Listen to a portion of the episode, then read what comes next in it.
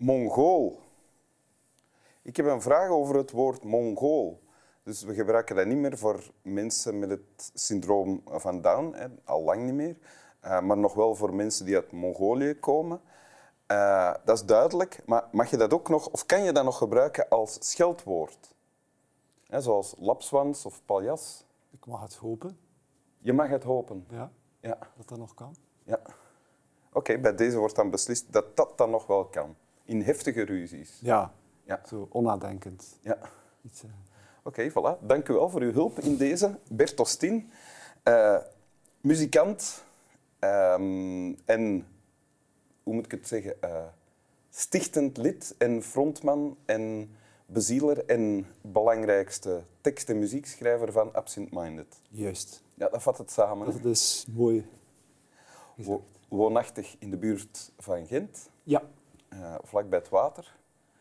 Uh, waar wij elkaar zijn een keer tegengekomen. Waar we elkaar een keer zijn tegengekomen.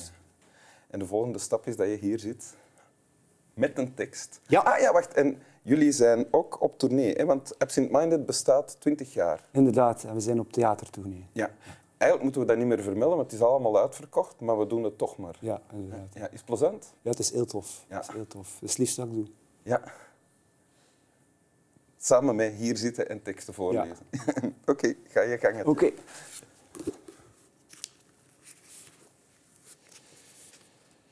Bent u uw neus kwijt, meneer? Jawel.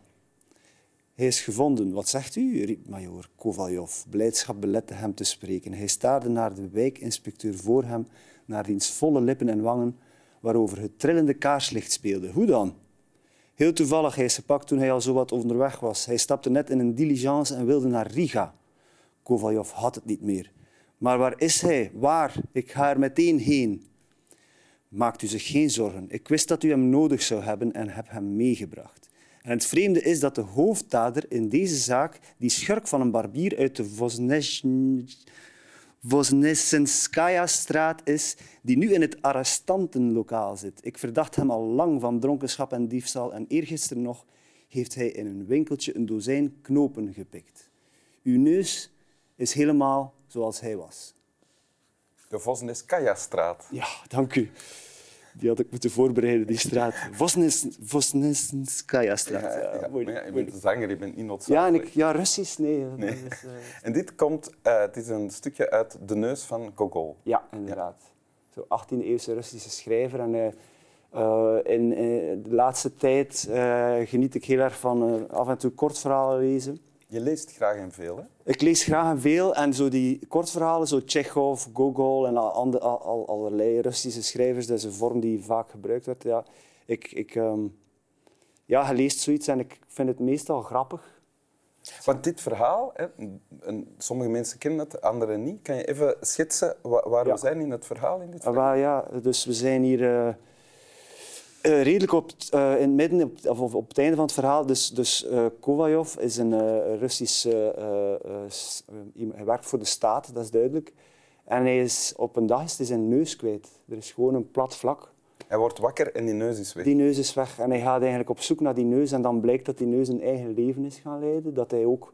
Hij ziet hem, hij komt die neus tegen en die heeft ook een schoner kostuum aan dan hemzelf. Dus hij is gelijk ook al iets hoger in rang en doet nogal arrogant en, en, en, en wil eigenlijk niet, niet eens spreken met de eigenaar van in van, in Rusland van die tijd, de 19e eeuw, was het ook allemaal heel hiërarchisch in de neus. Heeft hem ver, voorbijgestoken. Inderdaad, inderdaad. Qua stand. En doet heel uh, arrogant tegen ja, je zal het maar meemaken. Ja, je zal het maar meemaken. En die neus is dus een eigen leven gaan leiden en die, die is eigenlijk gewoon afgunstig op zijn eigen neus, omdat hij zoveel succes heeft. En, dingen doet die hij eigenlijk niet... En ondertussen probeert hij zijn eigen neus ook te vangen. Ja, en terug te krijgen. En hij probeert ook allerlei instanties aan te spreken om hem daarbij te helpen. En je hebt eigenlijk wel veel sympathie voor de, de hoofdpersoon, omdat ja, je wilt het ook zelf niet meemaken.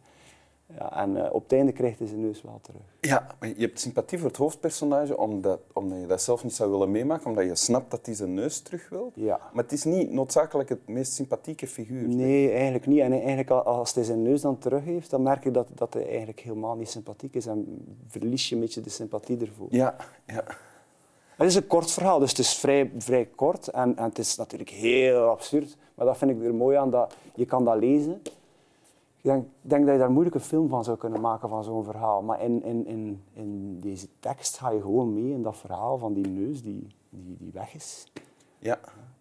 Het is, ik- heb het verhaal ook ooit gelezen en heel erg van genoten. Ik dacht toen van, oh ja, dat is een soort eh, voorganger van Hugo Matthijssen eigenlijk. eh, veel van die verhalen. Dat is 19e eeuw. Hè. Dat Ja, maar het is, het is, grappig, het is, ja, meer dan, het is 200 jaar geleden geschreven. Eh, maar wat wou ik nu zeggen? Misschien eh, dat het eh, Hugo Matthijssen, de absurde humor, dat dat Nee, er, eh, nee. Ah, jawel. jawel. Het, dus het is een grappig, absurd verhaal, maar je, stelt, je kan niet anders dan jezelf dat voorstellen als lezer. Hè? Denk ik toch. Van, oh, je wordt wakker en je hebt geen neus niet meer. En dat is dan toch ook wel meer dan alleen maar absurd, want het is zoiets van, je bent als mens altijd overgeleverd aan allerhande dingen die je kunnen overkomen. Een muzikant kan plots tinnitus krijgen, bijvoorbeeld, enzovoort. Er zijn duizenden dingen die ons kunnen overkomen. Heb je dezelfde reflex bij het lezen van dit verhaal? Ehm, minder, minder. Ik, ik, ik heb mij meer... ehm, ik, ik, wat, mij opvalt, meestal bij die verhalen, zijn ook de details van de maatschappij waarin dat die, die eh, mensen leven. Zo Die, die, die, die, die tijd van, ja, er is overal een hiërarchie en er zijn allerlei regels waar je aan moet houden. En er is ook altijd wel wat corruptie. En dat, dat, dat zit altijd in die verhalen. En, dus je krijgt wel eens zo'n gevoel van onbehagen. Zo van, oh, eh, het is al een moeilijke eh, maatschappij om in te leven. En dan, En dan nog neus. kwijt. Dat Ja. lijkt mij... En geniet je daar dan van? Of, of, eh, Van de vondst van de schrijver geniet ik al immens veel. Om het zo gewoon zo... eh, die neus dan op te voeren als een personage en die, die beschrijvingen van in welke situaties dat hij zijn neus dan ziet en hoe dat hij die dan probeert te benaderen of hoe dat hij probeert hulp te zoeken in een soort ja, onuitleg, uit- onuitlegbaar probleem eigenlijk. ja. En denk je dat dat dan ook, het lezen van dit soort teksten, dat dat dan ook zijn weg vindt naar dingen die jij maakt? Ik mag het hopen. Ik vind het, eh, ik vind het heel inspirerend. Omdat zo'n kort verhaal is, is, is, is eh, vrij snel rond. Je, hebt het, je je leest dat in pakweg een half uurtje of zo. En eh, zoiets is altijd... Dat is gelijk een zaadje dat je plant. Ik weet zeker dat dat ergens... eh, ik wil verhalen vertellen. En ik lees graag verhalen. En ik denk dat dat allemaal wel een wisselwerking is die, eh, die, die zeker belangrijk genoeg is. in Ja. Wat ik doe. Ik herinner mij van toen ik het eh, heb gelezen, dat ik een eh, ranglijstje had opgesteld ook. Van, eh, ik stelde mij voor, als ik iets kwijt zou zijn in mijn gezicht, ehm, dan dacht ik minst erg... hè, dus in de plaats is altijd gewoon vel dan. Hè, minst, minst erg zijn oren, dan de neus, dan de ogen en dan de mond. Dat is mijn eh, volgorde. Goh, de oren zijn toch ook wel... Ja, dat is waar, ja. Ah, misschien hoor je nog, maar het is gewoon je oorschelp. Nee, je kan niet meer horen, want dat is allemaal dicht Dus dan. Hè. het, is, ja, het is gewoon een vlak eigenlijk. Ja. Goh, ja, die neus is zo in het midden van je gezicht. ja, en voor mij ook als brildrager is een neus ook Ja. belangrijk. Ja. Wat zou bij jou het minst belangrijke zijn? Van De die vier? Ja, de ogen dan. Nee. Je moet, i- je moet iets kiezen, anders verlies je alle vier. Oké. Ehm, ja, die, die, die... Ja, maar ik adem zo door mijn neus ook. Ja, nee, ik kan... Ik, ik, moet, moet je iets kiezen? Nee, te Nee, laat nu. ogen. Te la- je hebt te lang gewacht. vier alle vier Ah. ja. Spijtig. Wil je het nog eens Moet voorlezen? te streng zijn, ja. Oké. Bent u uw neus kwijt, meneer? Jawel. Hij is gevonden. Wat zegt u? riep majoor Kovaljov. Blijdschap belette hem te spreken. Hij staarde naar de wijkinspecteur voor hem, naar diens volle lippen en wangen waarover het trillende kaarslicht speelde. Hoe dan? Heel toevallig, hij is gepakt toen hij al zo wat onderweg was. Hij stapte net in een diligence en wilde naar Riga. Kovaljov had het niet meer. Maar waar is hij? Waar? Ik ga er meteen heen. Maakt u zich geen zorgen, ik wist dat u hem nodig zou hebben en heb hem meegebracht. En het vreemde is dat de hoofddader in deze schaak die schurk van een barbier uit de Vozhneskaya-straat is, die nu in het arrestantenlokaal zit. Ik verdacht hem al lang van dronkenschap en diefstal. En eergisteren nog heeft hij in een winkeltje een dozijn knopen gepikt. Uw neus is helemaal zoals hij was. Dank u. Dank u. Slap wel. De Vosneskaya-straat. De Vozhneskaya-straat. Vosneskaya-straat. Nu kan ik het. Ja, nu dat niet meer moet.